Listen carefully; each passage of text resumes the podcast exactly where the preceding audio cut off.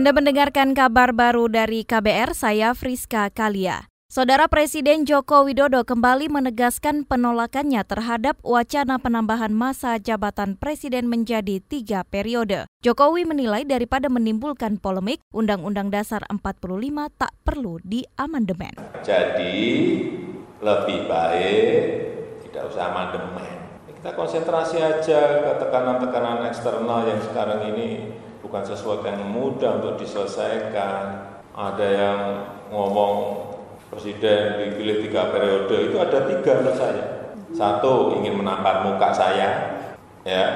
Yang kedua ingin cari muka, padahal saya sudah punya muka. Yang ketiga ingin menjerumuskan. Itu aja. Menurut Jokowi, amandemen Undang-Undang 45 akan sulit hanya berfokus pada penghidupan kembali garis-garis besar haluan negara, seperti isu yang muncul pertama kali. Ia mengklaim sejak awal sudah mencurigai amandemen Undang-Undang 45 akan melebar pada isu lain, misalnya soal pemilihan presiden dan wakil presiden seperti saat ini. Jokowi menilai pemilihan presiden lewat MPR sudah tak relevan di Indonesia, sehingga Jokowi tetap akan mendukung pemilihan presiden secara langsung meski ramai wacana mengembalikan pemilihan presiden lewat MPR. Beralih ke informasi lain, Kepolisian Resor Jayapura menangkap 34 orang di wilayah Sentani, Kabupaten Jayapura pada Sabtu pukul 22 waktu Papua. Kapolda Papua Paulus Waterpau mengatakan puluhan orang tersebut diamankan saat polisi memberhentikan truk yang mereka tumpangi dari arah kota Sentani menuju ke arah Waena, kota Jayapura. Puluhan orang ini diduga menuju ke kota Jayapura untuk peringatan Hari Kemerdekaan Papua Barat pada 1 Desember kemarin. Di tengah raya membawa atribut dan lain sebagainya sajam, kemudian di cegat oleh anggota ditemukan ada sejumlah atribut KNPB yang mereka bawa, uh, kemudian ada alat-alat tajam juga.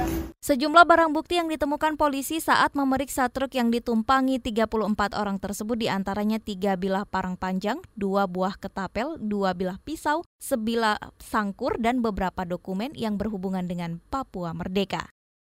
Sementara itu, tim advokasi mahasiswa Papua menyebut penetapan tersangka kepada aktivis dan mahasiswa Papua pada 30 dan 31 Agustus 2019 lalu melanggar prosedur. Mereka dituduh terlibat dalam dugaan makar pada aksi 28 Agustus di seberang Istana Negara Jakarta. Anggota tim advokasi Muhammad Bushrol Fuad mengatakan Polda Metro Jaya langsung menetapkan status tersangka tanpa melakukan pemeriksaan sebagai saksi.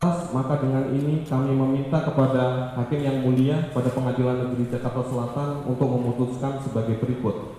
Satu, mengabulkan permohonan pra peradilan para pemohon untuk seluruhnya. Dua, menyatakan penggeledahan yang dilakukan oleh termohon tidak sah. Tiga, menyatakan penyitaan yang dilakukan oleh termohon tidak sah. 4. Menyatakan penangkapan yang dilakukan oleh termohon tidak sah. 5. Menyatakan penetapan tersangka yang dilakukan oleh termohon terhadap para pemohon tidak sah.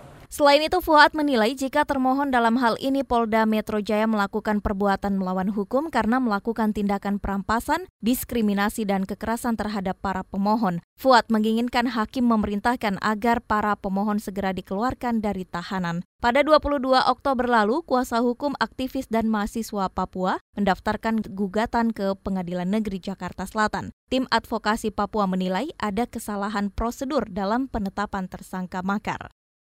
Kita beralih ke informasi olahraga, penyelenggara SEA Games 2019 di Filipina terancam terganggu setelah topan Kamuri mendekati pantai barat negara tersebut hari ini. Sejauh ini jadwal pertandingan sejumlah cabang olahraga SEA Games sudah terganggu akibat cuaca buruk. Pertandingan selancar angin dikabarkan dibatalkan, sementara pertandingan cabang olahraga triathlon dimajukan dari jadwal sebelumnya. Panitia SEA Games menegaskan pihaknya juga telah memiliki rencana darurat untuk mengantisipasi jika topan Kamuri mulai menerjang wilayah Manila dan sekitarnya. Saudara hingga kini sebanyak 70 ribu orang telah dievakuasi dari wilayah Bicol yang terletak di sebagian barat Manila. Badan Ramalan Cuaca Filipina memperingatkan bahwa tanah longsor akibat hujan dan angin kencang mungkin terjadi di beberapa wilayah akibat topan Kamuri. Demikian kabar baru dari KBR, saya Friska Kalia.